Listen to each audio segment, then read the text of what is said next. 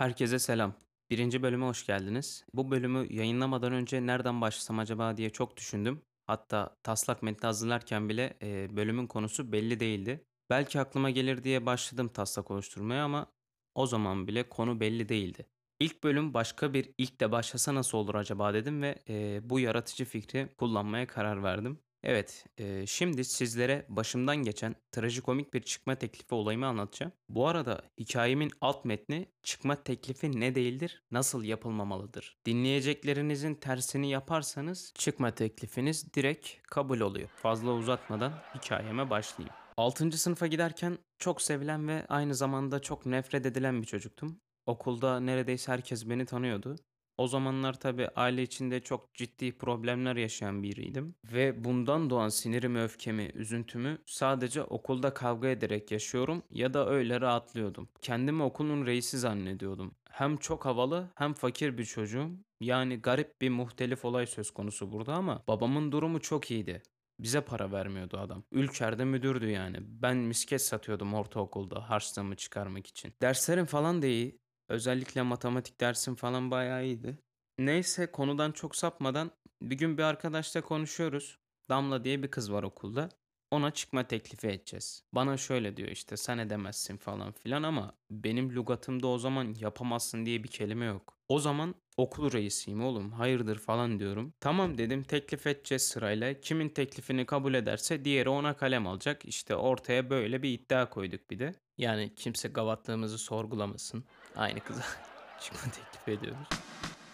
Ben kafaya koydum. Damla'ya çıkma teklif edeceğim. Önce biraz Damla'dan bahsedeyim. Damla o zaman o yaş grubunda ilk sevgili olma olayına başlayan kızlardan biri. İşte ben de tabii çıktığı çocukları biliyorum o zaman. Benim arkadaşlarım falan ama böyle kendimle falan asla kıyaslamadığım çocuklar. Hal böyle olunca ben de şöyle düşünceler oluşmaya başladı işte. Şu gün ayrılırım çıkma teklifinden sonra işte şöyle derim of falan şimdi sevgilim olacak ne yapacağım falan. Yani hiçbir şekilde aklımın ucundan reddedilmek geçmiyor.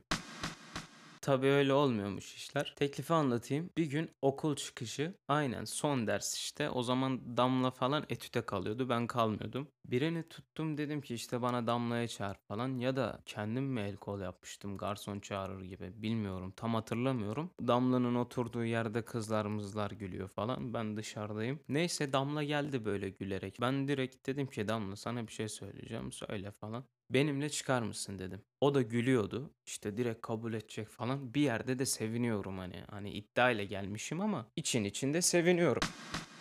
Hayır dedi bana. Aa ben böyle kaldım. Hiç beklemediğim bir cevap. Nasıl hayır diyemedim bile. Hiçbir şey diyemedim. Damla döndü sınıfa doğru giderken ben bir tane kafasına vurdum. Sonra Damla döndü. Hani şey olur ya böyle köpeği suya atarsın ön patileriyle falan yüzmeye çalışır ya. O şekilde vurmaya başladı bana. Tabii ben iyice öfkelendim. Damla'ya işte çok sert bir tokat attım. O zaman bir çocuğun atabileceği en sert tokatlardan biriydi herhalde. Sonra arkamı döndüm ve koşmaya başladım. Bayağı koştum ama koridorun merdivenlerindeyim. Damlayı da hala görebiliyorum ama. Çünkü ben tokat attıktan sonra yüzünü tuttu böyle kafasını falan eğdi. Hala bekliyorum koridorun sonunda merdivenlerin başında. Kafasını kaldırmasını bekliyorum ha. Bir yandan da korkuyorum ulan bir şey mi oldu falan filan. Neyse bekle bekle derken en son kafasını kaldırdı. Bayağı böyle durdu. Demek ki bayağı canı acımış. Bu podcast bir gün ona ulaşırsa ondan özür diliyorum.